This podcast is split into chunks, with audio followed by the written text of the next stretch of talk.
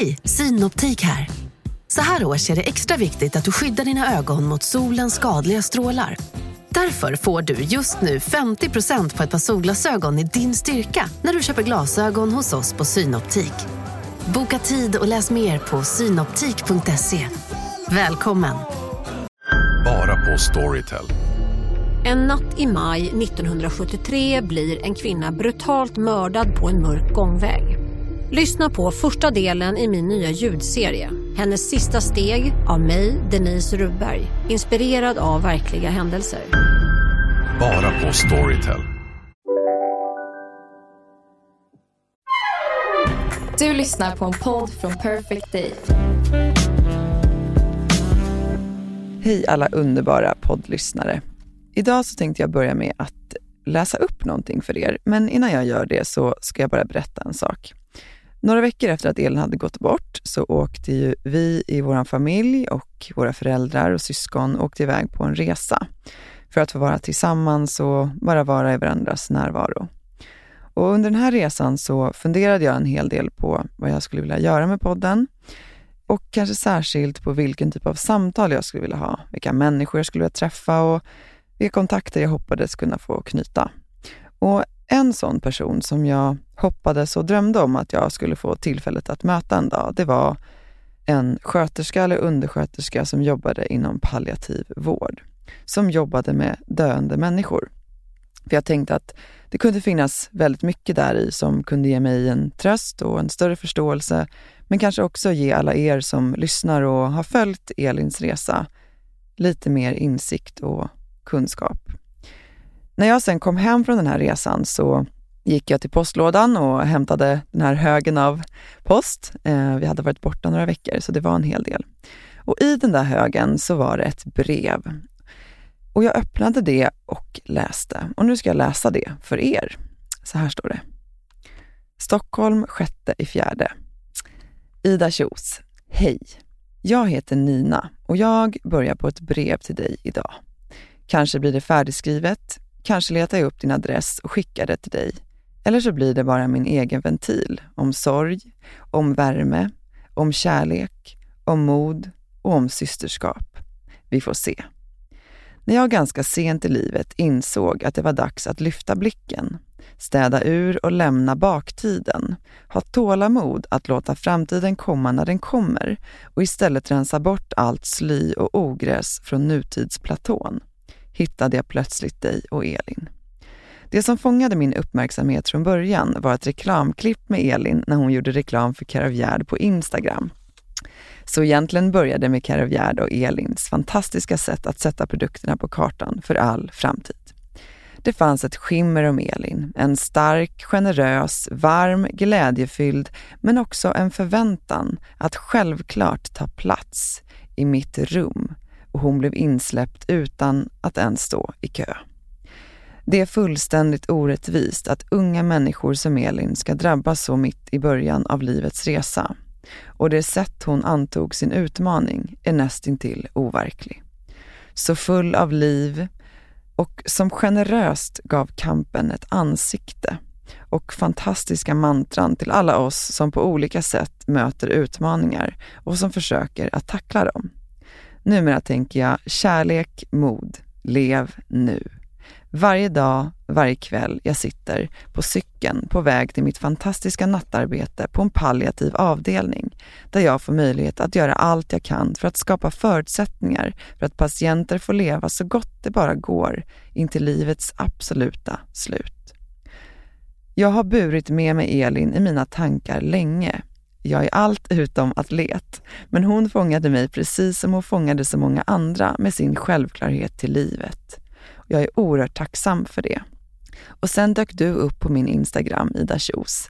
Den självklara, ännu mer generösa systern som har samma karisma, samma energi, samma glittrande skratt och samma välkomnande output. Samma, fast ändå egen, personlig i ditt sätt. Och om min beundran över Elins sätt att ta sig an sin situation är megastor, så är min beundran över ditt sätt att hela tiden stötta, supporta, hålla om och ständigt på ett finstilt sätt visa att du hela tiden med kärlek lät din tvilling få lysa i alla medier. Det är massiv beundran. Det fick mig att se över mina egna relationer som haft sina ups and downs i snart 60 år. Och idag har jag klippt de negativa navelsträngarna och har med glädje och ett nytt lugn lämnat den delen av baktiden som stod för sorg, ledsamhet, dåligt självförtroende, kampen om rätt och fel.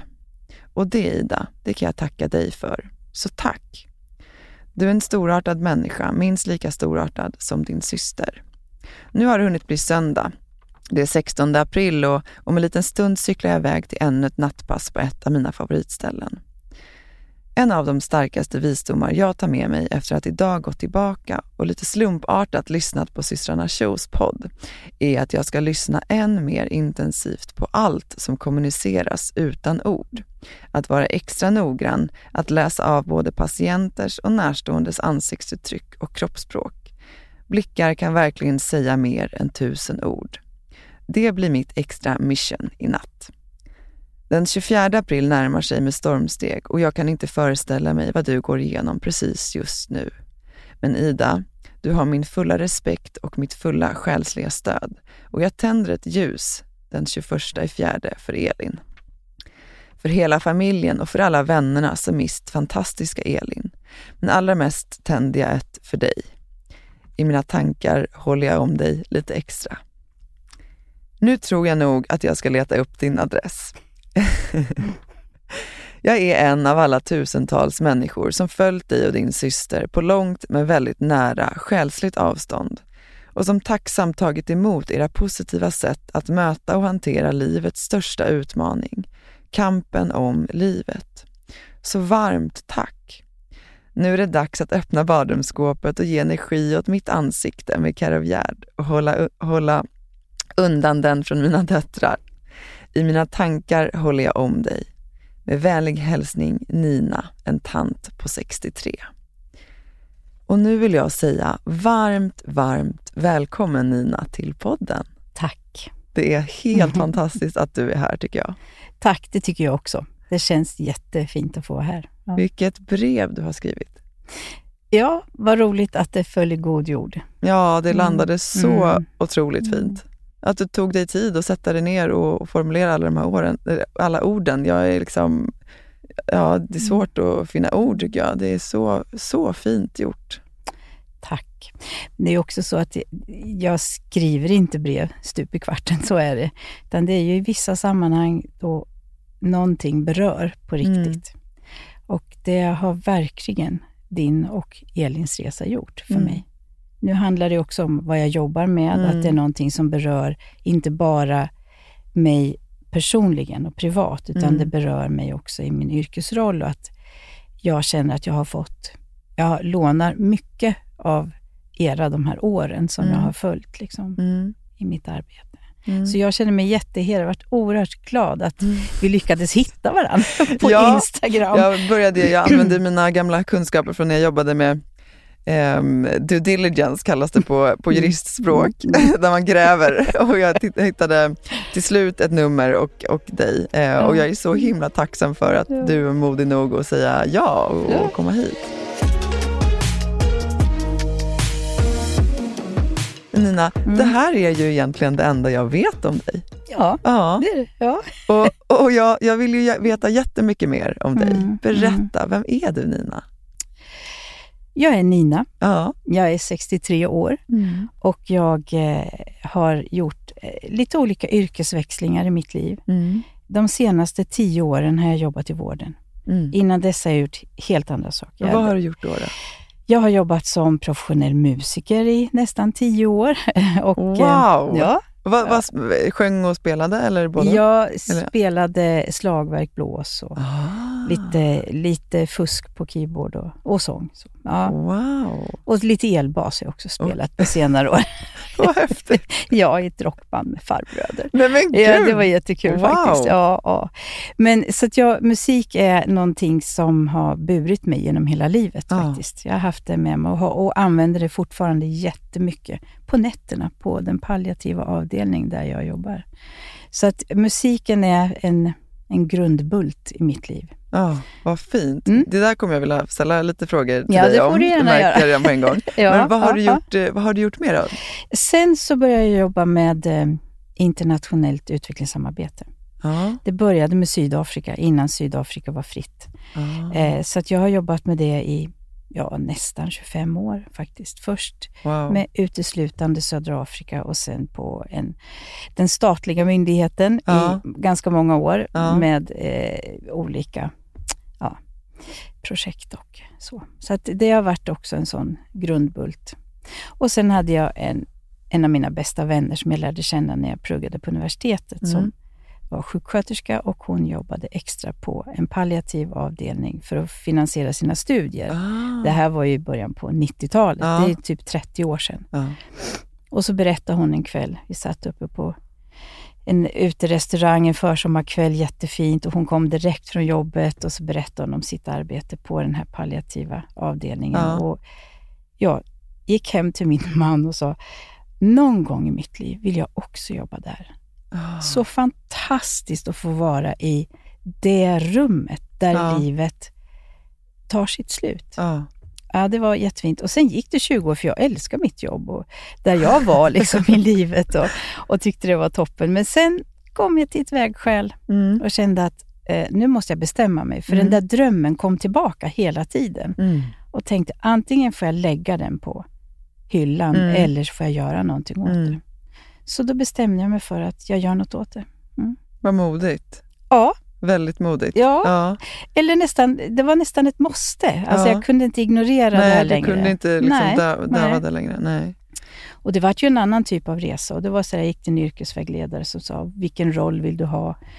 Och jag sa precis rollen, alltså det här, var vill, var vill jag vara Ja. i vården? Ja. Var vill jag vara i patientrummet? Jo, men jag vill vara den som alltid kommer när man ringer på klockan. Ja. Jag vill vara nära, jag vill vara i de här obekväma situationerna för att försöka göra någonting för att det ska kännas lite bättre för patienten. Och då här vart är- jag undersköterska. Ja. Då blir jag det då. Okej, fine. Ja, Så men jag det. tycker det är Mm. så häftigt. Och, och, och vad, nu har du, du har lite, lite skvallrat om delar av det, men vem är Nina som person då? Jag hör ju att du, liksom, eh, du är en människa som tycker om att ge och du känns Mm. eh, öppen och fri i det Mm. sättet. Mm. Eh, att du är trygg i det, Mm. tänker jag mig av det lilla du har berättat nu. Mm. Vad är det som får dig att brinna och känna dig lycklig? Det tål att tänka på lite. Ja. Alltså det är inte, man kan kasta ur sig lite floskler. Det är lätt att säga åh, jag tycker det är så fint att ge och så. Men Ja. det är klart att, att ge, Ja. att vara, välja yrken där det är klart att jag mår ju bra av att ge. Mm, Jag får ju någonting tillbaka. Det är ju ett växelspel.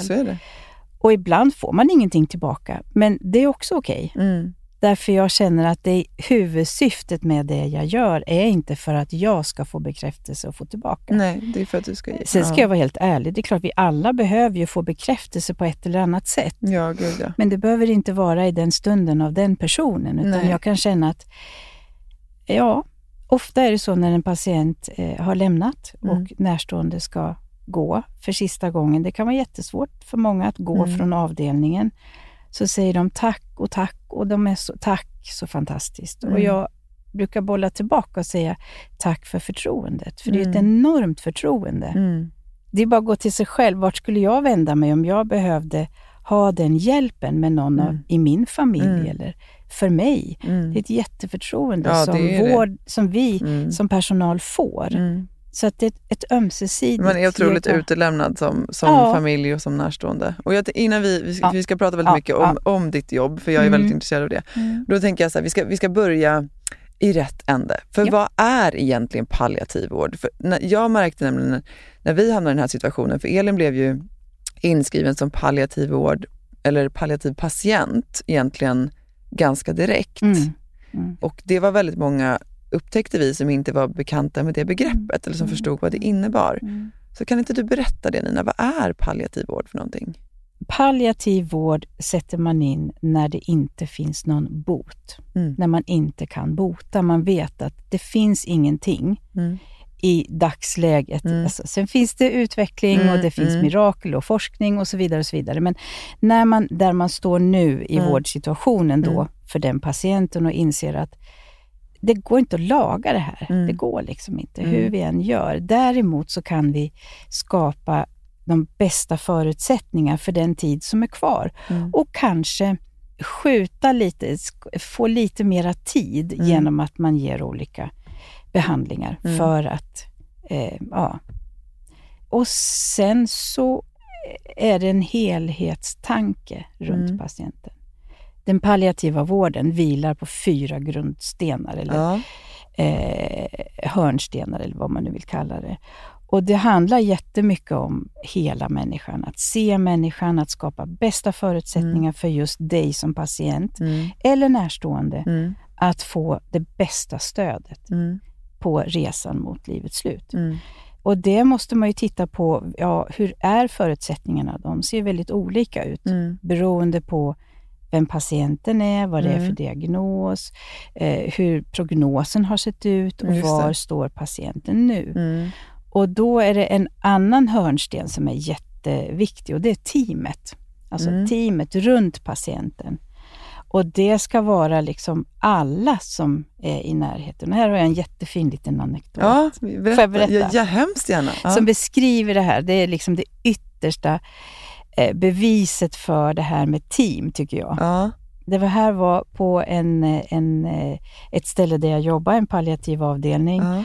Ehm, en överläkare kommer i korridoren och ska gå in till en patient och jag är ute i korridoren och utanför den patientens dörr så står städvagnen. Ja. Och så kommer den här överläkaren fram till mig och säger, mhm, är städerskan där inne? Ja, precis. Ja, men då väntar jag, säger den här överläkaren. Och sen kommer, överläk- eller kommer städerskan ut och så säger den här överläkaren till städerskan, vad tror du, är det okej att jag går in nu? Mm. Alltså alla som möter patienten, Mm. alla som möter närstående, Mm. alla iakttagelser vi Mm. alla tillsammans gör, oavsett titel, Mm. är viktigt för Mm. att se vad gör vi nu? Är, det här, är det här bra? Mm. Funkar Hur ni ska möta på Ja. bästa sätt. Och då säger hon glatt, ja det tror jag, det går nog jättebra. och sen, ja, och det där var ett ögonblick, det är många år sedan nu, ja. men det där kommer jag aldrig glömma. Nej, gud vad fint. För mig är det en sån här, ja det visar hur viktig vår inställning är. Alltså Mm. vi som jobbar i Mm. palliativ vård. Mm. Att vi måste också se alla i Mm. teamet. Mm. Alla räknas, Mm. alla är viktiga. Så teamet, och det är ju också så här, jag gör ju iakttagelser när jag är inne hos patienterna. Mm. Samma sak med fysioterapeuterna som är där och försöker hitta hjälpmedel så att det fysiska funkar bra. Mm. Du nämnde att ni var ute och åkte rullstol och du Mm. fick byta plats och allt det här. Ja, då ska det ju vara en rullstol som funkar Mm. för den närstående. Det kan inte vara en... Alltså, Mm. Allt måste stämma. Mm. Och då är fysioterapeuterna jätteviktiga. Mm. Läkarna naturligtvis, sjuksköterskor, allihopa Mm. tillsammans Mm. skapar. Och det är en av hörnstenarna och jag säger den är jätteviktig. Och en kanske av de största utmaningarna eftersom vi alla jobbar skift. Ja, Den ena går när den andra kommer. Kommer. Ja, det just gäller att, Ja. att den andra hörnstenen då som är kommunikation, Mm. att den också funkar riktigt, det. riktigt bra. Det är Mm. dokumentation och det är överrapporteringar och det är Mm. att och sen kommer man ner till den där, det, där vi är med patienten. Mm. Att eh, även uppfatta det som inte sägs med ord. Mm. För Och det är inte helt lätt. nej, det är det Men, inte. men kanske egentligen ibland den viktigaste uppgiften, ja. upplevde jag i alla fall, Ja. som var Mm. med mycket i slutet också i att, ja men det är också, det är säkert olika för olika patienter men syrran hade ju, och det var ju hon öppen med, men hon hade ju mycket smärtor, hon hade ju mycket morfin. Ja. Och hon skojade ju ofta om det i podden, i sin morfindimma. Men, men ju liksom mer smärtor, ju mer morfin och det gjorde ju också att man inte alltid var helt klar. Och det tänker jag också blir liksom en utmaning för er såklart. Att det är inte alltid att det blir så tydligt uttryckt kanske vad, vad man egentligen behöver eller Nej. så. Mm. Det, är, det är sant, så är det ju. Mm. Vi försöker ju titta på allt, kroppsspråk, Mm. ansiktsuttryck, Mm. den här rynkan i pannan, Mm. du vet, Mm. alla de här sakerna. Eller att det är så kognitivt och fysiskt, motoriskt oroligt. Just och, det. ja, och då, då får man ju försöka hitta sätt att, att supporta det, att ta hand om det. Och det är ju inte alltid läkemedel funkar. Nej. Då måste man hitta på lite andra saker, Mm. andra sätt att försöka.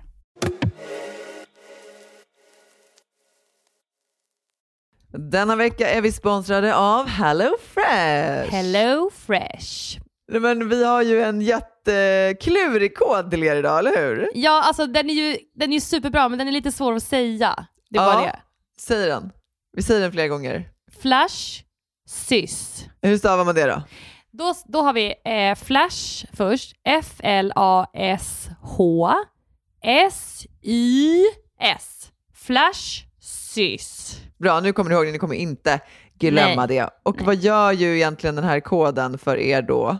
Jo, den ger er inne på hellofresh.se upp till 1449 kronor i rabatt på dina fem första kassar. Och eh, varför gillar vi Hello Fresh då? Nej, men jag gillar så mycket med HelloFresh, men, men om jag får bara någonting kort så älskar jag liksom variationen. Eh, och jag älskar också hur det liksom här hjälper till med faktiskt att man kan ta liksom lite fler hållbara steg. Alltså det blir mindre matsvinn. Man kan också när man så här väljer sin meny, har du sett det? Att man kan då så välja också hur mycket Ja. liksom, utsläpp, eh, CO2-utsläpp som liksom respektive eh, maträtt bidrar till och så vidare. Så man kan ju liksom man kan se sin reella påverkan. På hellofresh.se så kan man använda koden FLASHSYS och få upp till då som Ida sa eh, 1449 kronor i rabatt på de fem första kassarna om man inte har provat HelloFresh ännu. Eh, och man får också fri frakt på den första matkassen. Eh, nice. Men alltså du kan också använda koden om man har varit kund tidigare men har avslutat abonnemangen för över 12 månader sedan eller längre. Eh, så kan man bli kund igen helt enkelt. Ja, det kan man verkligen bli. Och eh, hörni, det här fina erbjudandet gäller till den 27 maj, så det är under en begränsad tid, så passa på. Tusen tack HelloFresh! Tack! Du nämnde i början nu att du brukar använda dig mycket av musik. Mm. Vad är det du Mm. gör då för patienterna? Om jag har tid, om Ja. det finns tid Ja. innan patienten går in och hamnar i det här lite mer ja, terminala, så försöker jag Och då menar man, nu, du är Ja, så kunnig förlåt, här, nu, ja. där, men jag, det, det, det, det, du beskrev, alltså när man lite inte mer kommunicerar. komatillstånd. Ja, och när man inte Ja. man sover mycket eller Ja. man är sådär och ändå, man är mellan medvetande och Ja, inte. Som vi tror. Alltså, mm, Det är ju som vi tolkar det. Mm. Då försöker jag ta reda på innan man hamnar där, när vi Mm. kanske fortfarande kan kommunicera vad, om personen tycker om musik och vilken genre. Mm. Och, och det kan ju vara så här, framförallt på nätterna, de här vargtimmarna som man Mm. brukar säga Mm. eh, att det kan vara lite svårt att komma till ro för vissa patienter och Mm. det väcker mycket tankar när mörkret faller. Och, Mm. ja, då kan jag faktiskt gå in och säga, jag tänkte ta en kopp te, vill du ha en? Och så sätter jag mig ner där och så Mm. Kan vi prata lite musik och det är allt, det är högt och lågt. Det är allt från Elvis rock'n'roll till Mm. musik som jag kanske aldrig själv skulle... Så, men jag har enormt många spellistor på min Spotify, för jag använder Ah. min egen telefon. Ja. Och så har jag den, antingen så lägger jag den i bröstfickan på, min, min, eh, liksom, Mm. på mina kläder Mm. eller så stoppar jag den i en plasthandske av hygienskäl och Mm. lägger, lämnar kvar min telefon inne på rummet hos patienten om, Mm. om det är så att det behövs. Och det kan verkligen vara ett möte. Mm. Om, ibland är det svårt att komma ifrån den här, eh, de här rollerna vi har. En Mm, menar du då? Jag menar så här. En patient som kommer till eh, vår Mm. avdelning, till den här vårdformen, Mm. då vet vi alla, this is soon over. Mm. Alltså det är, det är verkligen på väg mot slutet. Mm. Och Vet de alltid det då? ja, För det, så var det inte riktigt i vårt fall. nej. Har inte, nej, vi har inte, just, det, finns många delar för oss som inte alltid, där allt inte har liksom klaffat helt hundra. Men till exempel Okej. kanske kommunikation var inte helt, eh, Nej. det blev inte alltid helt bra, Mm. eh, upplevde väl vi. Alltså vi Nej. hade väldigt lite, det, vi fick kämpa för att få information, eh, skulle jag säga. Tråkigt. Ja, tråkigt eh, och att det, är höra. liksom, Mm. det var ju mer kämpigt för vissa av oss och sådär. Och det, Mm. det blir som en ytterligare stress liksom. Såklart. Eh, Man vill Men ju veta så- allt Ja, men som precis. går att veta. Mm. Och sen så förstår man ju också, man, förstår, man ser ju och kan förstå själv oavsett vart det barkar. ja. Men, men det är fortfarande bara den att så här, är det dagar, är det veckor, är det månader? Alltså att, Mm. att få någon typ av så här, vad är det vi pratar om liksom. Mm. Ehm, det, det fick vi ju egentligen först när, när eh, jag uttryckligen liksom eh, med mina klor skrek efter det ungefär. Eh, Mm. och, sen, och då gick det väldigt fort sen efter. Så att, Ja. ja. Man kan ju aldrig veta. Nej, Det finns ju... Det- det finns, förstår jag ja, också. Man kan inte se, de- alla behöver veta ja, så mycket det bara går. Men man kan ju aldrig säga att ja, men imorgon eller nej, om och det en vecka eller månad. roll. Men man kan säga att det jag ser, Mm. det vi ser nu Mm. är det här Mm. och vi tänker att det kan se ut så här. Mm. Men eh, det är också så här att är det en ung människa, det kan ju vara att allt stänger ner utom hjärtat. Mm. Och det kan tuffa på alltså, flera dygn efter att vi har tänkt att mm, nu närmar det sig nog Mm. slutet. Men vi, vi ringer ju alltid in närstående om de inte redan är där, när vi Mm. känner att nu händer det någonting subtilt. Vi Mm. ser en skillnad och vi talar om det. Sen är det ju upp till varje närstående att avgöra. Och jag får ju ofta frågan, vad tycker du, ska stanna när de ska gå hem? Och då brukar jag säga så här, det är jättesvårt att säga, men Mm. om det är viktigt för dig att vara med Mm. när sista andetaget går Mm. och jag var i din situation, då Mm. tror jag att jag skulle stanna. Mm. Så kan jag säga. Mm. Men det betyder inte att, att det är slut i natt, eller Nej. imorgon eller i övermorgon. Nej. Nej, och det kan ni såklart aldrig veta. Nej, Och jag tror inte det är det, nej. det fanns liksom aldrig någon som förväntade från oss heller att vi skulle liksom få ett datum, utan det Nej. blev mer Nej, jag, jag bara kom att Mm. tänka på det när du sa att sen när man kommer in Mm. eh, så vet man ofta det och där, där var inte riktigt eh, vi, även om vi såklart, Men var, var Elin på en palliativ? nej, Ja, nej. alltså det var hon ju Mm, inte riktigt. nej. Nej.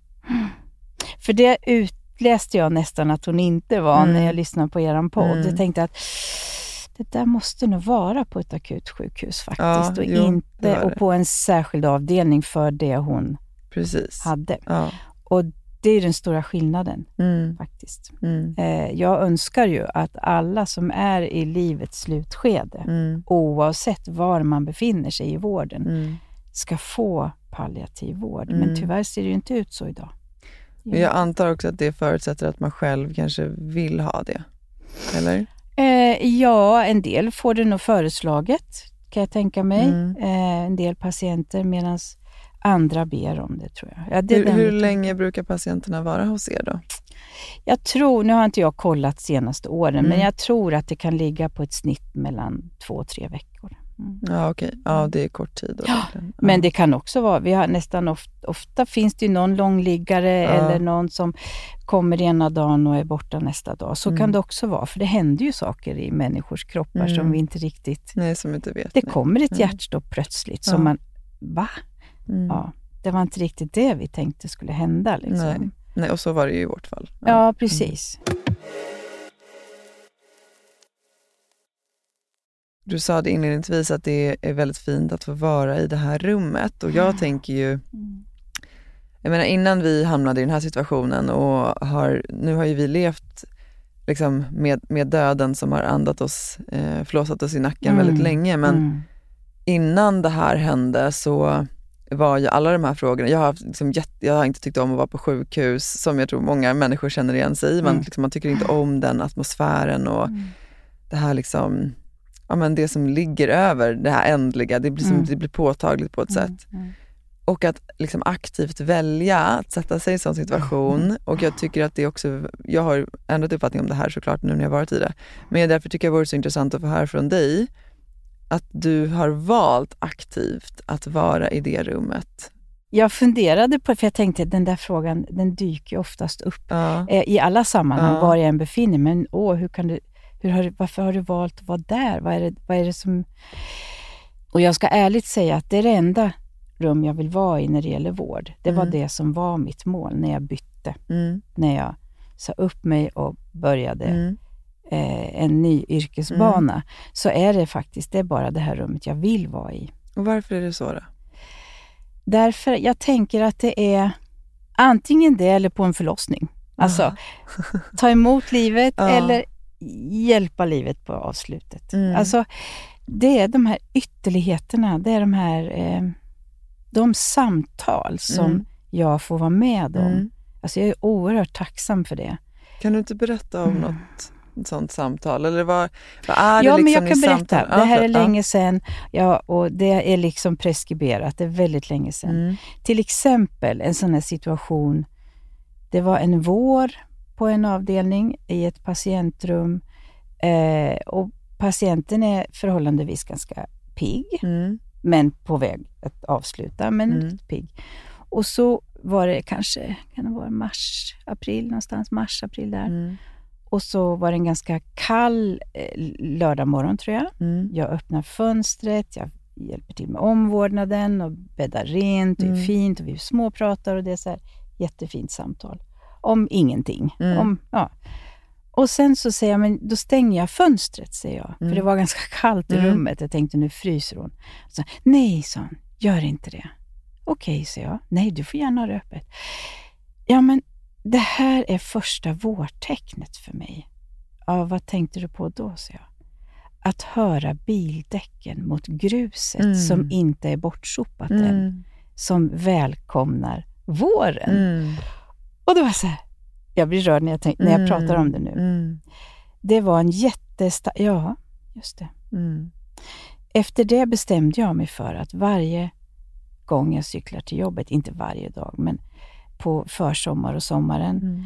så river jag ganska mycket ogräsblommor i dikesrenen. Ja, Ja.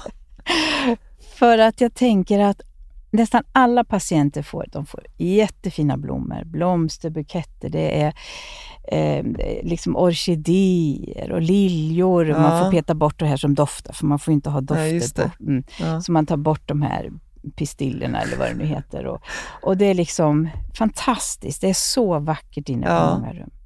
Men det ingen får, det är det där vi alla har vuxit upp med och det är de här hundkex, Ah. du vet som växer, Ja, ja, ja, ja, som luktar lite sunkigt. Det är de här um, Som fäller efter bara någon dag. Ja, alla de här blommorna som vi alla har vuxit upp med som barn och plockat Ja. i midsommarbuketter och, och sådär. Det plockar jag nästan hela sommarsäsongen. Och så tar Mm. Gud, jag alla fint. snapsglas som finns på avdelningen och så gör jag små, små buketter som man kan ställa på frukostbrickan. Ah.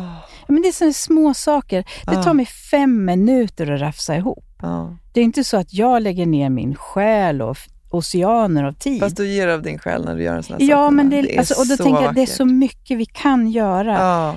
som kostar ingenting. Nej. Pyttelite Ja. tid. Och en tanke, det är tanken vi måste ge utrymmet Mm. och påminna om Mm. att, vänta nu, vad skulle jag vilja ha om jag låg där? Mm. Ja, jag skulle nog banne mig vilja ha lite sån här, de där som växer som ogräs, bellis i gräsmattan. Ja, men, Mm. ja.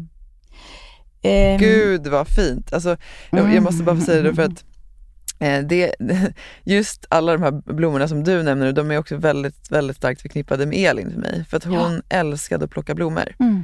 Och när vi var små så, vi hade väldigt ofta gäster hemma. Vi, hade lite så här svängdörr hemma brukar Ja. vi skoja om. Och Ja. Jag, jag älskat det.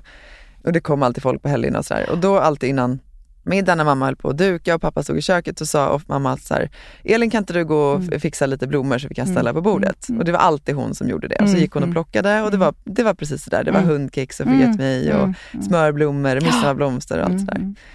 Och så eh, var det bara här i veckan, för nu har det också verkligen slagit ut och vi bor ute i skogen och Mm. det, det är så mycket blommor överallt och det är så vackert. Ah, Och eh, vår dotter Lycke, Mm. hon älskar också att plocka Åh, blommor. Och nu har vi fint. pratat mycket om det, att så här, men Elin gjorde också alltid det när, mm. när vi var små och hon sprang alltid ut på ängen och plockade Mm. blommor och sådär. Och så skulle jag natta Lycke häromdagen och så sa hon, mamma vilken, vilken var Elins favoritblomma? Mm. Och då försökte jag tänka tillbaka, så här, ja, men vilken var hennes favoritblomma? Och då tog jag upp alla de här, så ja hon tyckte om den och så tyckte hon om den. Och så, så nämnde jag då, ja så fanns det en liten blå blomma som heter Forget Me Ej. Då sa hon, vad, bety, vad, vad menar du, vad betyder det? Och då sa jag, men det betyder glöm mig inte. Ja. Och så sa hon, men mamma, kan vi inte plocka dem och lägga vid Elins grav? Åh, så fint. Så fint. Ja. Ja, förlåt, Ja, jag. Ja, jag också. det här med rördhet, det tar liksom aldrig slut. Men det var också sådär, Ja. Ja men det är så fint på Mm. något sätt. Mm. Och det är också som du, du säger, det är precis de här otroligt små sakerna men som, som ändå kan betyda Mm. så mycket. Mm. Hur är det då att vara i det där rummet? För jag tänker mig att många Mm. föreställer sig att det är väldigt mörkt, eh, att det bara är liksom tungt. Och jag, nu var ju inte vi på en palliativ vårdavdelning men min bild, trots allt som gjorde ont, jag skulle säga att så här, sista veckan vi hade med syrran, även fast vi inte visste att det var sista veckan, Mm. var så otroligt vacker och så otroligt ljus. Så hur är det på, på din avdelning? Hur är det det där rummet som du berättade om? Eh, det rymmer allt Ja. faktiskt. Eh, det kan vara mörkt, eh, men inte hela tiden. Nej. Glädje. Mm. Och det kan variera så mycket och det här är det som jag ser som, som får mig att vilja fortsätta. Mm. Jag har ju bara några år kvar och jag har väldigt svårt att se mig själv att jag inte skulle hålla på med det här. Nej. Men till exempel kan det ju vara så här på en, på en avdelning eh, att bakom en patientdörr Mm. så pågår det ja, en studentmiddag. Alltså, ja, men alltså, det kan vara så, någons, eh, antingen är det patienten själv eller så är det någon mamma eller Mm. pappa eller syster eller alltså Mm. så. Då är det, då, alltså, man får göra vad man vill. Mm. Pynta, det är liksom serpentiner och ballonger, det Mm. kan vara musik och lite allt möjligt sådär. Mm. Och så bakom nästa dörr, och det, ja, men då är det glädje där inne. Mm. Det är ett sorg också. Mm. Men man firar det som går att fira. Mm. Och bakom nästa dörr så är det någon som precis har dött. Mm. Och där är sorgen kompakt. Mm. Så bakom de här dörrarna så Mm. pågår ju olika, ska man säga, olika situationer. Mm. Och där måste man ju tänka till lite som personal innan Mm. man går in på Mm. respektive rum. Och där kommer ju den här kommunikationen som är så viktig. Att jag kollar med de som har jobbat passet innan. Okej, hur är läget där? Mm. Eh, Har du något råd att ge? Är det något jag ska tänka på? Det. Har det hänt något idag som är bra för mig att veta? och sådär. Så jag skulle säga att det är hela färgpaletten Mm. av känslor. Mm. Och det är en rikedom att få gå omkring i. Mm. Och en utmaning. Mm. Det kan ju låta som att jag går runt där och bara eh, liksom... Nej, det men det är verkligen jag, ett jobb. Jag tror jag förstår vad du Mm. menar, att det Ja. också blir mycket du, du måste liksom fungera lite som en spegel tänker jag. Alltså det är det det Mm. många gånger handlar om, att du behöver möta det, det, liksom, det blir ju, det känns som att den kommunikativa blir så otroligt, den kommunikativa, delen blir så otroligt viktig. Ja, det gör den. Ehm, nu nämnde jag initialt att vi, så här, det var vissa grejer kring kommunikation som vi inte var nöjda med, men jag skulle ändå säga att så här, där, det sen, där vi var i slutet så, och framförallt de sista dagarna så, så var det snarare, där var det ju motsatt upplevelse. Det var Mm. allting så fint Mm. eh, och kommunikationen var liksom så bra. Mm. Eh, och det blir, det blir tydligt när man har fått erfara båda delar hur stor skillnad det gör. Mm. Det är bara att gå till sig själv. Liksom. Mm. Alltså som personal, tänka hur skulle jag vilja att det var? Mm. Om det var jag som låg där eller om det var någon i min familj. Eller, alltså, eh, ja, det är jätteviktigt Mm. att vara noga med. För det var någonting jag tappade där, jag tappade bort. Jag skulle säga det, att man får aldrig komma ifrån att det finns en beroende situation. Just det, förlåt det var jag som avbröt dig Nej, det gör ingenting. Vi saker. tar den nu. Ja, därför det är jätteviktigt. Ja. men jag tycker det och det är Ja. därför när man är sjuk, Mm, när jag är sjuk, mm, eh, jag har varit sjuk också, inte Mm. på det sättet, Mm. men och så ligger man där i sin sjukhussäng och så eh, letar man efter den där jäkla röda knappen och så trycker man på den och så känns det som, det har kanske gått två minuter och det känns som en kvart för jag har så jäkla ont. mm. Varför kommer ingen? Varför kommer ingen? Mm. Så trycker jag en gång till, ja då går det akutlarm så det bara wii, wii, wii, wii. Eh, för att Mm. jag känner lite panik. Är det någon, vet de att jag vill något? Så. Mm. Funkar, sitter kontakten i? Och det här skapar ju väldigt eh, starkt många gånger ett beroendeförhållande. Mm. Så därför när det här med kommunikation så tänker ju vi eh, väldigt mycket på hur jag positionerar mig till exempel i rummet. Om Mm. du ringer på mig Mm. och du ligger där i din säng och du har jättesvårt att röra dig, det är fullt med kuddar överallt och, och du har svårt att röra dig. Då är det stor skillnad om jag ställer mig vid sängen och tittar ner på dig. Eller om jag höjer upp sängen så att du och jag hamnar i läge där vi är i princip i ögonhöjd. Eller att jag sätter mig ner. Ja. Det kan ju låta som att jag springer runt och sitter på mitt jobb. Men jag gör det Mm. jättemycket för Mm. att jag känner att det är viktigt att vi, jag vill markera. Mm. Eh, Förr när jag eh, var lite, inte hade riktigt lika mycket ont i mina egna knän, då satt jag nästan alltid på knä på golvet. Så att Ah. patienten fick titta ner på mig och jag tittade upp.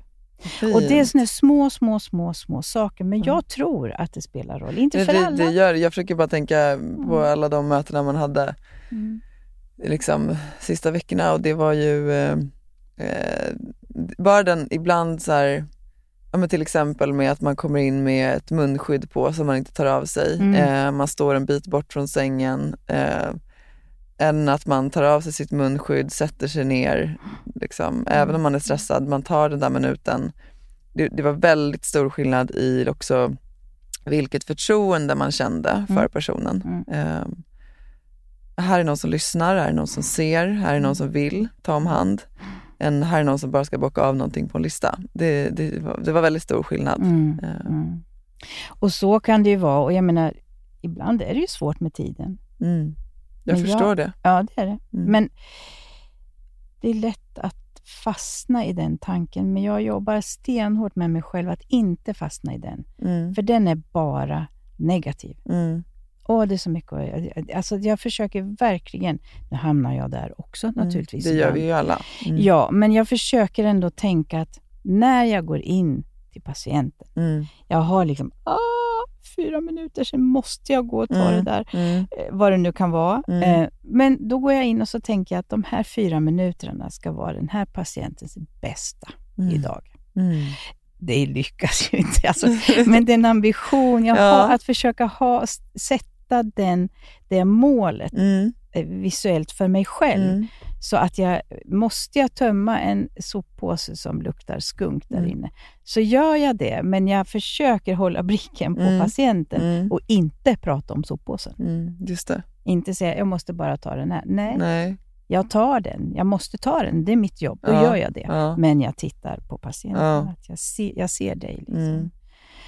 Och det är ju i en, i en värld av gyllene guld och allting så skulle det vara jätteenkelt hela tiden. Men det är en utmaning. Mm. Jag antar den. Mm. Sen lyckas jag mer eller mindre bra. Liksom. Men Mm. jag tror att man kan... Det var en lärare som sa till mig en gång, hon var helt magisk. Hon sa, man kan lura tiden. Och alla Mm. var så här, va? Vadå lura tiden? Klockan går, det är liksom inget att göra. Du har Jo. missförstått det här. Ja, precis. var, var bor du? Ja. Men hon sa just det här, Ja. att tänk inte fyra minuter, tänk nu ska jag ha ett möte. Mm. Och, även om det är kort. Liksom. Mm. Ja, gud det är så fint. Och jag tänker också att så här, om man går in med den inställningen som du går in med, Mm. Så går man också in i en typ av närvaro. Mm. Alltså du är fullständigt närvarande under de fyra minuterna Mm. du har. Mm. Och fyra minuters full närvaro kan ju vara betydligt mer värdefull än tio minuter när någon sitter och tittar ner i sina papper eller inte är Mm. helt med Mm. eller ställer samma fråga två gånger Mm. eller inte lyssnar på svaret. Och det, tänk, alltså det kan man ju ta med sig överallt i livet. Alltså känner, man känner ju om någon, för många gånger handlar det ju inte om, alltså, jag tänker på det ibland, så här, relationer, ja, sånt som jag och min man också ibland tjafsar om, att man är så här, man vill ha mer tid för varandra. Men i själva verket så kanske det inte är liksom tiden man egentligen vill ha, utan det är den där odelade uppmärksamheten, den där fulla närvaron, där man bara är i varandras närvaro. Det, är- det är det vi behöver. Liksom. Det är kvaliteten på minuterna Ja, precis så. snarare än hur många minuter det handlar om. Exakt. Ja, men det, och det här, nu en liten privat anekdot. Ja. Det där är ju jätteintressant, alltså, eh, det här med närvaro. Ja, Ibland kan jag säga till min man om det har varit mycket tunga lyft och, och sådär, eh, då kan jag säga så, åh, tror, skulle du kunna tänka dig att klämma lite bara och få, få igång lite så här. Mm, säger han. Jag hör, mm, ja, inte Ja, riktigt det han drömde om just nu. Men han gör det, han säger ingenting och så börjar han liksom massera. Så hör jag, det räcker med att jag hör klicket Ja. i käken när han gäspar. Han säger ingenting och han gör det. Men då är det färdigt för mig. Nähä, så var det med den närvaron. Han är uttråkad, då får det vara. Ska vi jag kan relatera Nina. Ett litet, du vet, det är nästan Ja, ja, inte ja, ja. hörbart. Ett litet, här, Ja. bara ett litet, litet sån här i käken. Nej, då är det färdigt.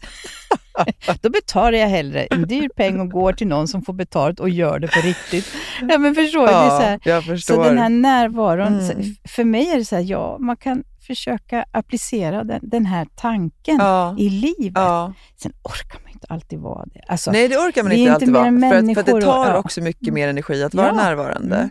Men jag tänker att det där är också liksom ett träningssätt. Mm. Alltså, för så har jag tänkt på många gånger i mitt jobb, som jag ju nu inte jobbar på längre då, men, men när det har Mm. varit ibland liksom stressiga perioder eller haft liksom, man ska hinna med ett möte som man egentligen inte hinner med, men som ändå är viktigt för det är en i teamet. Eller liksom, och då har jag ibland bara tänkt att så här, men jag är fullt närvarande här. Mm. Jag, jag struntar i att tänka på vad jag ska sen eller jag sätter på stör ej-läge på telefonen. För att då är fortfarande känslan av att det mötet vi har haft när vi går därifrån, är att så här, vi, vi fick ut jättemycket av mötet. Mm. För att jag lyssnade, han lyssnade. Mm. Alltså, liksom, det fanns det här samspelet än att så här, ja, jag är jättestressad, jag jäktar och så sitter man och håller på med telefonen samtidigt Mm. eller ska bara skriva någonting på datan. Det blir inte bra. Nej. Och egentligen är det inte så svårt. Det är inte ett dugg svårt. Nej. Det handlar ju också om vilken relation vi har till alla de här tingen runt omkring oss. Precis. Det är telefoner och det är paddor och datorer och vi ska dokumentera allting och det små Men jag kör ju fortfarande med små, små block Ja. som jag skriver för hand. Liksom. Och då gör jag det eh, när jag går ut ur rummet. Oftast. Ah. Eller post-it-lappar. Ja. Jag kommunicerar ganska mycket på natten med om det är mycket sådär och jag känner nu måste jag ta tag på syrran för här behövs det smärtis. Ja, men Ja. då ser inte jag syrran, men jag... Smärtis. Ja, ja. det är så. ja, jag. Vårdslang. Ja, och då, då kan jag skriva lite på en lapp och så lägger jag det på, på datorn där hon, jag vet, här inne är hon, då lägger jag den där och så kan hon gå direkt. Så det Ja, finns det. olika sätt man kan... Ja. ja, gud, det är inte så att teknologin alltid är, är det bästa. Verkligen inte. Nej, och jag är, jag är eh, jag har inte haft de här sociala medierna så många år, för jag av princip har känt att åh, jag har suttit 25 år framför en dator. Liksom. Nej, Nej, jag, ja, Ja. det är ja. Men, skönt. Det är dig. jätteskönt, men nu är jag ju där. Men jag, jag är mer en sån här som snyltar och likar och jag lånar saker jag hittar. Liksom. Ja, men det är väl så jag egentligen tycker man ska använda det. Ja, Det gör jag också. Jag, liksom, Ja. jag, jag följer sånt som gör att jag liksom känner att jag kan liksom utvecklas eller att jag får kraft eller Mm. jag får inspiration. Mm. Eh, sånt som ger liksom ont i magen eller dåligt samvete, det ska man inte följa. nej, Jag tror inte det gagnar inte. Liksom. nej, det gagnar ingenting. Nej. Och så finns det alltid människor som måste uttrycka en massa konstiga saker och tycka och tänka och alltså, Du menar sådana som mig? Jag ska... nej! jag menar sådana som eh, har massa synpunkter på vad man själv, vad andra gör. Ja, ja, du menar så ja. Lite Ja, troll. jag tänker på Ja. ett inlägg du hade där. Ja, jag ja, känner bara så här, men det går tok bort. Bort med sånt bara. Ja. Skaka av. Liksom. Men jag tror också det är så här, det finns ju någonting ja, men, i att vara liksom oförlåtligt sig själv och inte be om ursäkt för det. Mm. Eh, det kommer alltid trigga människor, tror jag. Alltid. Och sen tror jag också att så här, vad man än... Det, det, det, man kan aldrig liksom vara allas cup of tea. Nej. Men det är heller inte syftet med våra liv. Precis så tänker jag också. Ja. Med vissa svänger man jättebra, Ja. andra svänger man lite lagom. Ja. Och sen har man de relationer som, man, som måste funka. Och Ja. det är inte alltid det svänger, men man får till det på Ja. något vis av respekt för varandra. Och så finns det de där det bara skär sig. Och man känner att, nej men what's in it for me? Man måste våga ställa sig den frågan ibland. Det är inte egoistiskt, utan det Nej, handlar snarare gud om... nej. Jag tänker att vi har en mängd energi. Mm. Hur ska jag förvalta den? Mm. Vad ska jag göra med den? Mm. Ska jag ägna mig åt att rota i den där, det jag kallar baktid? Mm. som kan vara fyllt av en massa jox som Mm. håller mig tillbaka. Mm. Nej, jag vill inte hårdna, men jag vill känna att nu sätter jag punkt. Mm. Behöver inte det där Mm. längre i mitt liv. Mm. Och så försöker skapa nya minnen, nya sätt. Och gärna med de personerna som, det har, som finns i baktiden. Som Ja, just kanske, det. Men går inte det så finns det ju inte så mycket annat att göra mer än att bara säga, ja men okej. Mm. Det finns en grej som jag tänkte på som jag skulle vilja ta upp, som Mm. verkligen berörde mig så in i mig. Alltså det, Gör det. Ja, jag spännande. blev så här, du vet, redan nu när jag sitter och Ja, ska säga ja. det så känner jag att tårarna kommer. Det var fint. Det var dagen efter Elin begravdes Ja. och du var ute och det var strålande sol överallt. Ja. Och du la in olika klipp. Du är överallt. Ja. Du finns överallt. Mm. Och den lycka som jag kunde se i ditt ansikte över det faktum. Mm. Alltså det var jättestarkt. Mm. Och det är ju faktiskt så att så länge vi minns så finns. Mm. Lite så tänker Mm. jag att det är. Och också det här, allt som ni har delat. Mm. Ja, det var jättestarkt. Vad det fint. berörde mig så himla mycket. Mm. Mm. Jag tror det var det faktiskt som gjorde att jag faktiskt bestämde mig för att posta brev. Fint. faktiskt, ja. Ja, det var det. Ja, Ja. vad häftigt. Ja. Ja, nej, men det tror jag att det är så här, jag har blivit lite förvånad över, jag, jag, så här, man har ju, jag tror att många människor har en föreställning om hur det är att vara i sorg, att vara nära döden, hur det är liksom att vara i ett mörker. Men det som har förvånat mig på ett sätt är att jag upplevt att kärleken har bott så nära sorgen. Mm. Att jag har liksom i ena stunden kunnat känna liksom den här ja, men hålet i bröstet av att jag, kommer, jag kommer leva resten av mitt liv utan min syster. Till att i nästa sekund bara känna liksom kärlek. Jag, jag, Mm. Det är svårt att förklara det men det är som Mm. att den nästan så här förkroppsligar Mm. mig i att så här, ja men som i morse till exempel så, vi bor ute i skogen och jag tror jag hade liksom, ja men ett fönster uppe i sovrummet öppet och jag vaknade liksom av att naturen sjöng. Mm. Eh, och liksom ljuset pressar sig genom gardinerna. Och, och jag är inte en morgonmänniska. Min man eh, har trackat mig för det hela våra 16 år som vi har Mm. levt tillsammans. Men idag var det en sån här, vet, jag bara kände jag måste, jag måste bara upp, jag måste bara ut. Så jag bara drog på mig liksom, träningskläderna och gick ut och sprang, ja, joggade, gick eh, Mm. i, i liksom 12 minuter. Och det var som att så här, naturen bara nästan bedövade mig eh, för att den var så högljudd och så läkande. Och jag liksom fann mig själv stanna där vid hagen och titta på alla de här tussilagorna och, och, och högt bara säga så älskar dig syrran. Mm. Och känner mig bara så glad, så lycklig, så tacksam. Mm. Samtidigt som jag saknar henne jättemycket men jag fortfarande är så tacksam. Liksom. Igen? Ja men det är så fint, det är Ja. så fint. Mm. Och det är liksom, jag tror det som också är, som jag känner mer och mer också att så här, för jag, jag har också tänkt att så här, men gud vem är jag att fortsätta leva och älska livet och, Mm. och känna all den här kärleken och i nästa sekund så, så tänker jag bara, men vem är jag att inte göra det? Det vore oförskämt att Det vore inte så göra det. oförskämt för, liksom, för oss alla. Japp. Och för de som var tvungna att avsluta livet. Ja, Det är verkligen. att hedra människor, att ta vara på livet. Verkligen. Mm. Att det, liksom, att det ska inte få ha fått vara förgäves. Nej, precis. Att det är liksom de lilla ögonblicken vi har fått, Mm. låt oss bara förvalta dem. Göra någonting fint av Ja, det. Precis. verkligen. Ja, men jag håller med dig. Du beskriver den där... Jag har haft en liknande upplevelse när min en nära till mig gick Ja. bort. Och jag eh, vak- hade svårt att sova på morgnarna. För Ja. mig var det så tvärtom. Och det var också en, sån en fin eh, försommarmorgon vid fem. Ja, Jag bodde nära eh, Hagaparken då. ja, Så jag gick ut och gick ut med vattnet där och när jag precis klev in i parken så var det en, jag har varit så lite manisk på stenar. Jag har ja. samlat stenar i hela mitt liv från det att jag var liten. Du vet, Du har en stor samling hemma nu då? Ja, jag har släpat runt mycket stenar från olika stränder och ja, du vet så här. För att du Eh, bara tycker de är vackra eller för att ja, de har jag vet inte ja. vad det är. Det är ja, jag tycker det är fint. Jag Ja, tycker det är fint. Mm.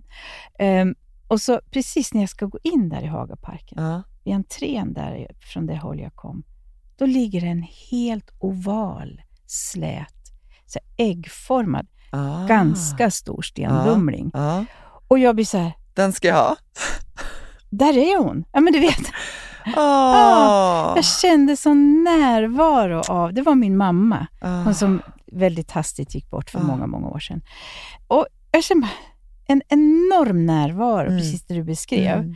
Så, så jag tänkte, så här, men jag har inte ens kommit in i parken, jag har inte gått ut med vattnet, jag kan inte släpa mig där. Så där i gryningen på morgonen så tog jag den där stenen, så gömde jag den bakom en buske, så ingen annan skulle komma och ta den. Det var så här helt... Ja, jag kände jag var tvungen att ha den. Ja. Så jag gick där och så kände jag en så enorm närvaro. Ah. Hon var verkligen Ja. där. Och jag har liksom inte varit så andlig av mig, så, men det var bara så starkt. Ja. Och jag tror det var det jag kände när jag såg ditt där om, Ja. om när du Ja. var ute där. Men sen så när jag gick hem släppte jag hem den här stenen. Den ligger hemma vid vår öppna spis. Jag, Ja, men den jag gud, så med mig. fantastiskt. Ja, den, och det är så här liksom, ja, minnen och, och känslor eh, kan komma när man minst anar Ja, faktiskt. Verkligen. Och då är det bara välkommen. Ja. Kom in, kom in. Kom in, ja, Ja. 100 procent. Mm. Tack för att du är här. Ja, Ja, nej, men lite precis, så. ja. Alltså, Ja, så absolut. jag har också känt det att, så här, och att jag inte alltid måste så förstå varför jag känner mig euforisk, lycklig, varför jag känner mig jätteledsen. Att det är så här, livet är så här nu. Det är upp och ner, det är glädje och sorg. Ja, precis. Och det är det som jag upplever när jag går in i det där rummet på Ja. mitt arbete. Ja. Det finns alltihopa. Ja. Det kan verkligen vara glädjefyllt och jättesorgligt och förfärligt och ilska och alla känslor du kan tänka dig möter ju vi i våra jobb när vi jobbar där vi gör. Mm. Eh, Men jag tycker att det är en sån styrka i det och jag skulle inte vilja ha det på något annat sätt.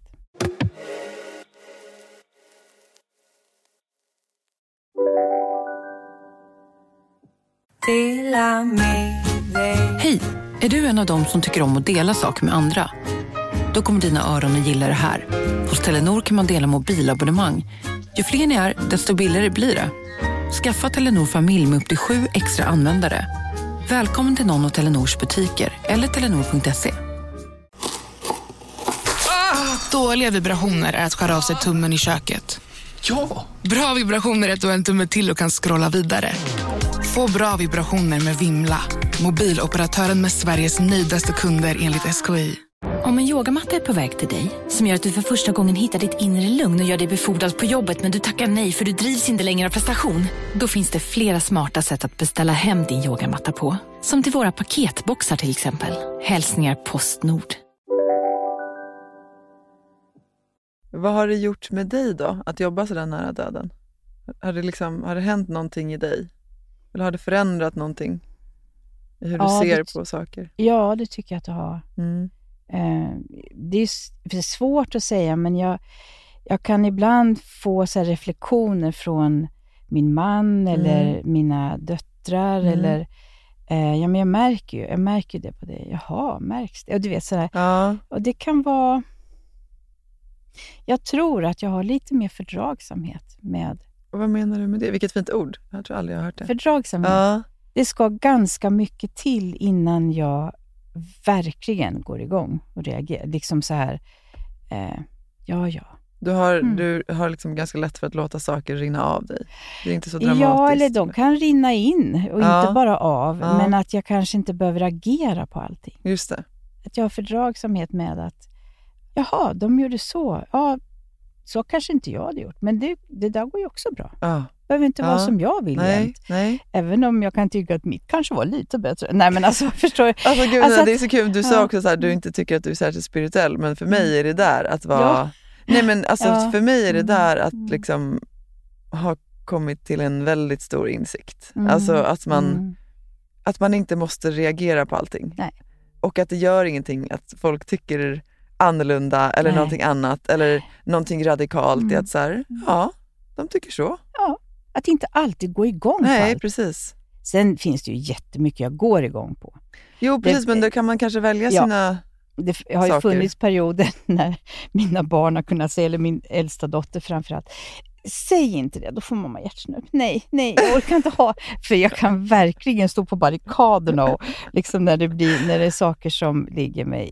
Alltså orättvisor är så. Ja. Det går inte. Nej, När jag tycker någonting är, nej, det går inte. nej, Det kan jag inte bara ha fördragsamhet med. nej, det håller jag med om. Det är svårt. Och också, jag menar, jag jobbade med internationellt utvecklingssamarbete i tron och övertygelsen Mm. om att det går att halvera fattigdomen, Mm. men det krävs enorma insatser Mm. Från alla. Mm. Men jag tror fortfarande att vi kan skapa en bättre värld för alla. Ja. Vi kan vara rädda om vårt övertygad. klimat. Och, Ja. det handlar inte om politik för mig, inte ett skvatt. Det handlar om livet. Mm. Respekten för Mm. livet. Mm. Liksom.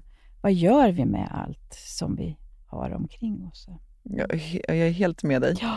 Så och där- kanske så här ja. förståelsen att vi alla är sammankopplade Mm. och att vi alla är en del av det här. Och skulle vi alla respektera den tanken Mm. så skulle vi behandla varandra och vår planet på ett lite annorlunda sätt tror jag. Precis, det tror jag också. Och, det, och det, för mig är det, det är liksom livet. Sen ibland kan det också vara så här att inte, jag orkar inte tänka i den stora världen Nej. alltid, för att den är så stor. Mm. Och Det det, är lite finns så- överväldigande. Ja, det Mm. finns så mycket som man måste agera, agera på Mm. i så fall, Mm. om man ska vara sann mot sig själv. Mm. Jag är där också mycket, men jag väljer mer och mer, tror jag, att jag, jag har liksom krympt ihop världen lite grann och jag har en liten värld också. Mm. Och där känner jag att där kan jag göra mer nytta. Mm. Jo, men det är också Ja. det här med att så där du står. Ja. För det tror jag, jag upplever många gånger att, att man kanske också tänker att så här, om man ska driva förändring eller man ska göra saker eller man vill ändra någonting i samhället, att det måste vara på en sån extremt stor nivå. Mm. Men ibland så, och det- din, ditt fina ord här med fördragsamheten, jag tänker att det många gånger också handlar om att i de mötena vi har, alltså Mm. med andra människor, i att så här, om någon säger någonting väldigt otrevligt eller man agerar på ett hemskt sätt, att kanske möta det med kärlek Mm. istället för Mm. att möta det så som man själv blir bemött. Mm. I alla de liksom, ja, men möten vi har eller olika sammanhang och scenarion vi befinner oss i, kan vi agera mer liksom, vad ska man säga, accepterande, Mm. mer förstående, mindre dömande, Mm. då tror jag att det får ringar på vattnet. Ja. Jag och- för jag tror ju också att så här, skulle vi, ja, men jag vet att jag och Elin pratade om det här eh, för ganska länge sedan, jo men det var i samband med valet, för jag har väldigt problem med liksom, polarisering generellt. Mm. Och det finns väldigt mycket av det i samhället och Mm. liksom med cancelkultur och så här, jag, jag, jag har väldigt svårt för det. För att för mig är det så här, det, jag förstår att någon annan kan ha en annan åsikt för att de kommer från andra förutsättningar, de har en annan tro, Mm. De har en annan förståelse och jag står på en annan sida. Mm. Men det betyder inte att jag är bättre, att de är sämre, att jag har rätt, att de har fel. Jag kan också ha fel. Mm. Och jag tror att man måste ha lite mer ödmjukhet Mm. inför det. Mm. För att annars så blir det, även om det är för en good cause som folk står på barrikaderna, Mm. så om man gör det på fel sätt, då blir det bara polariserande. Ja. Och då når man inte framåt ändå. Nej. Så jag tror att så här, det du Mm. pratar om, så här, din Mm. företagsamhet, eh, du? Fördragsamhet. Jag tror att den, det ska jag fan, förlåt fan, men jag ska ta med mig det ännu mer. För jag tycker att det är så viktigt. Ja. Eh, för det är inte kanske för mig egentligen att, göra, att du gör världen mindre, utan det är snarare att du har liksom Mm. kommit till den insikten i att jag Mm. gör det jag kan där jag står och det är att driva förändring. Ja. Och jag tänker också, för det finns, finns ju, jag säger det här att jag, eh, jag kan vara ganska aktiv på sociala medier, men det är mer för att jag letar efter saker. Mm. Jag letar efter visdom, jag Mm. letar efter tips, jag letar Mm. efter. Och jag har ju landat i Björn Nattiko. Ja, Alltså, ja, enastående. magic skulle jag Mm. säga. När jag har svårt att somna Mm. en dag när jag kommer och har jobbat natt, då sätter jag på. Kan sätta på, jag kan ha fel, Mm. bara det. Mm. Jag kan ha tänkt, Mm. jag kan faktiskt ha fel. Mm. Och så somnar jag till det. Mm. Så vaknar jag, då är det hans röst jag fortfarande hör, för jag sätter det på repeat. det är så underbart. Jag är liksom helt Åh, omlindad underbart. av denna fantastiska person. Ja. Alltså. Så att jag menar, det finns ju... vi kan ha fel. Mm. Och sen har han ett annat som också jag tar med mig och försöker ha levande i mig. Det är This too shall pass. Ja. And this too will pass. Det Yes. försöker jag alltid med mig också Mm. för att man är sådär, Mm, mm. om man är i en stund av djup desperation där Mm. allting känns så jävla mörkt, det kommer gå över. Och på samma sätt är det när allting känns underbart Ja. och man är oövervinnlig och det finns ingenting som kan gå fel, så kommer det också gå över. Ja. Att det finns också en... Mm. Alltså man måste också vara lite ödmjuk för det. Att så här, ingen, det, det är ju det enda vi vet. Ja. Ingenting kommer vara för evigt. Nej. Ja, men livet är som en enda Ja. stor vågrörelse. Ja. Det är ups and downs och go with the flow. Ja, Alltså, men stanna inte när vågen är på väg upp igen. Haka på och häng med upp. Liksom, Gud, att- jag streta inte emot. Nej. Njut av att vara där när du är där. Japp. Alltså, det, Och det känner jag har varit så särskilt viktigt sen Elin gick bort också. Alltså, Mm. när jag liksom själv hade så här kämpat med att jag haft dåligt samvete ibland då för att jag har känt med att jag varit där uppe. Då jag här, nej jag ska inte ha det. Nej. Jag ska vara tacksam för Mm. att jag idag är där uppe. För Mm. imorgon kanske jag är där nere Ja. igen. Och jag tror att det handlar om att vara levande. 100 procent. Ja, och också det här att, att det är okej att Mm. vara nere på botten. Mm. Det är okej. ja. Och jag menar inte att man ska ignorera någonting eller att man ska bli nonchalant Nej. mot saker när, det är, när man är där nere på botten eller man upplever en relation eller en konflikt. Eller, man måste trampa runt i det också Mm. Mm. för att kunna komma vidare Mm. och gärna tillsammans med den man trampar med. Mm. Det, måste ju ändå, det är alltid mitt första mål. Sen Mm. kanske det inte alltid går. För att man, man möts, man skiljs, så möts man igen. Och det, är Mm. liksom så här, det, det är också olika vågrörelser.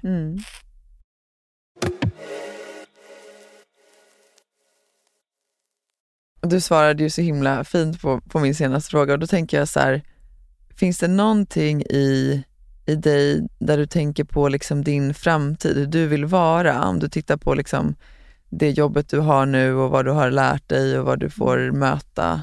Är det någonting som du känner så här, när du själv liksom går mot döden eller när Mm, du blir mm. äldre? Hur, hur vill du möta det?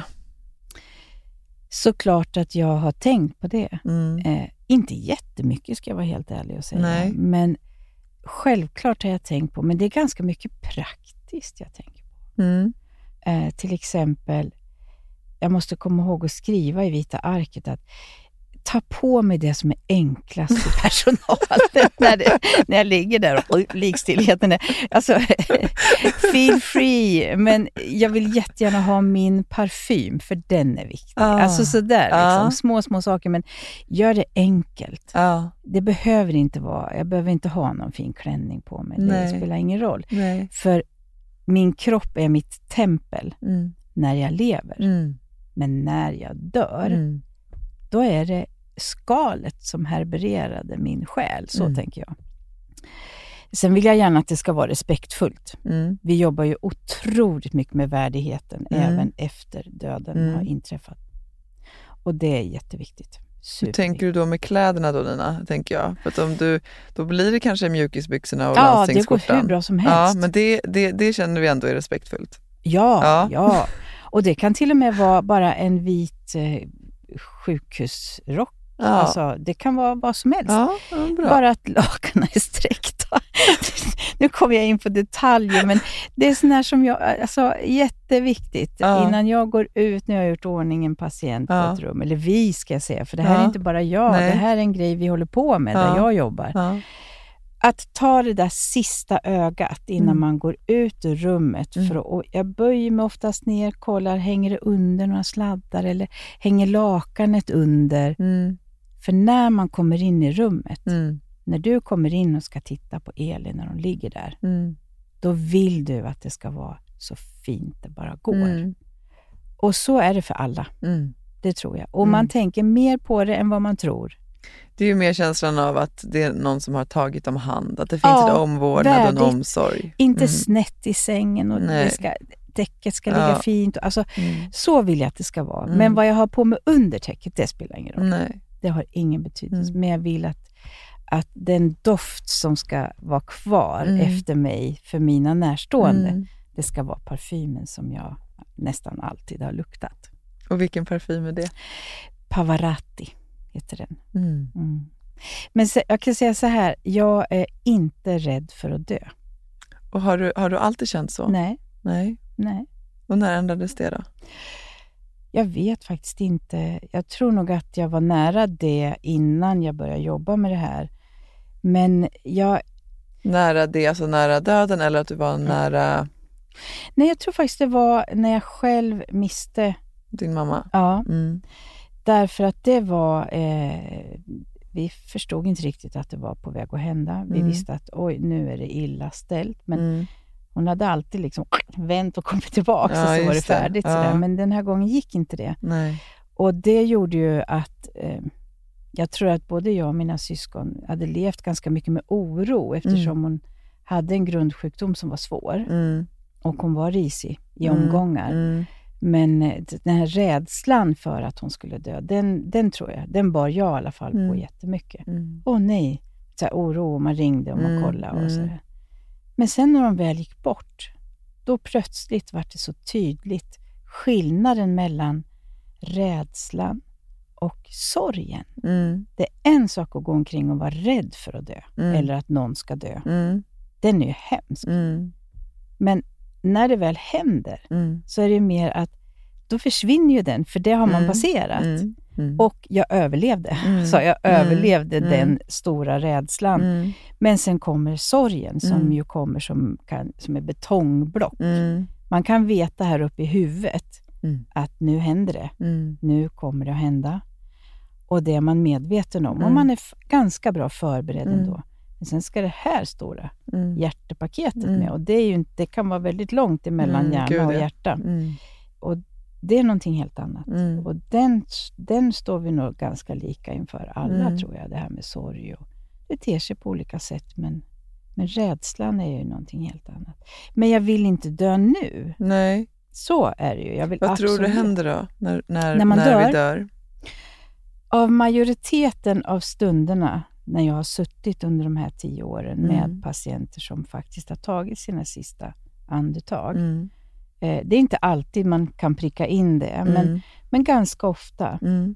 så infinner sig ett lugn i rummet som Mm. är, alltså det är så påtagligt. Mm. Och kvar är skalet.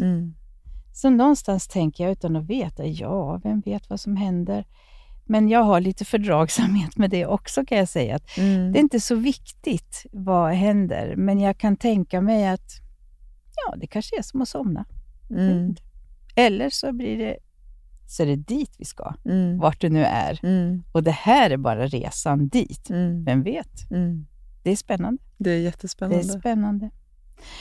Men jag vill att eh, jag vill känna att jag, det som är viktigt är att ha hunnit säga alla viktiga saker. Tror jag. Mm. jag skriver ganska mycket, du vet så här, Mm. ifall att kan det heta i, Mm. min, i min dator eller om det händer eller när, ja sådär, Mm. när ridån börjar gå ner eller du vet lite Ja. sådär. Och så skriver jag små saker som jag tänker, det kanske är mysigt för mina barn, mina döttrar att hitta vartefter. Så. Mm. Vad Fint. Mm. Mm. Man vet ju inte. Nej men det där är väl alltså det du säger nu också där med att jag vill hinna säga allt jag vill ha sagt. Mm. För, för det tror jag att många människor verkligen ska tänka på. Ja. Vi har till exempel alltid sagt jag älskar dig väldigt ofta i vår Mm. familj. Och Mm. det mm, förstod vi först när vi blev lite äldre att det var ganska ovanligt. Alltså Mm. våra kompisar sa inte det i samma utsträckning. Eh, men våran pappa förlorade sin syster Mm. eh, i cancer också. Hon var också runt 30. Mm. Och eh, det var i samma veva när vi var väldigt små och det har ju han berättat sen i efterhand att det, därför blev det så viktigt för mamma och pappa att vi alltid sa det. Så vi har alltid sagt det på morgonen, på kvällen, när vi pratar telefon Mm. och vi gör det fortfarande. Och jag och Elin sa det till varandra varenda dag när vi pratar telefon. Och det är en sån sak som jag, liksom, nu har det ju snart gått, ja det har gått två månader.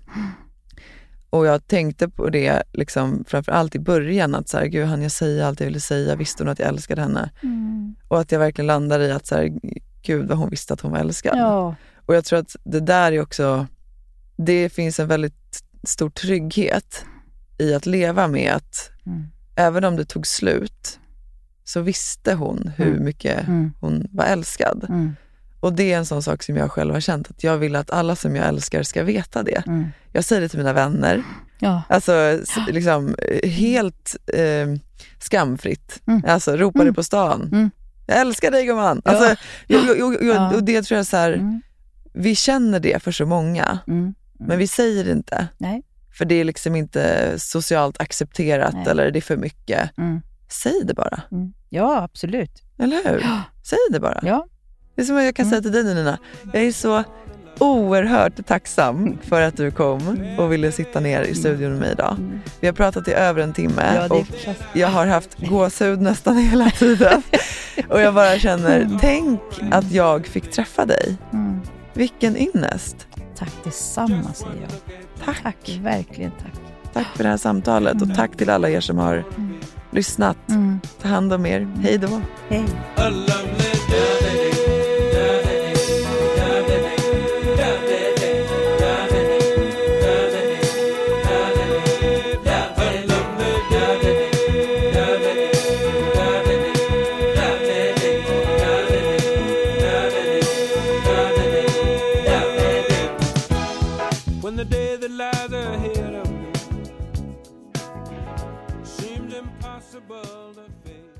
Den här podcasten är producerad av Perfect Day Media.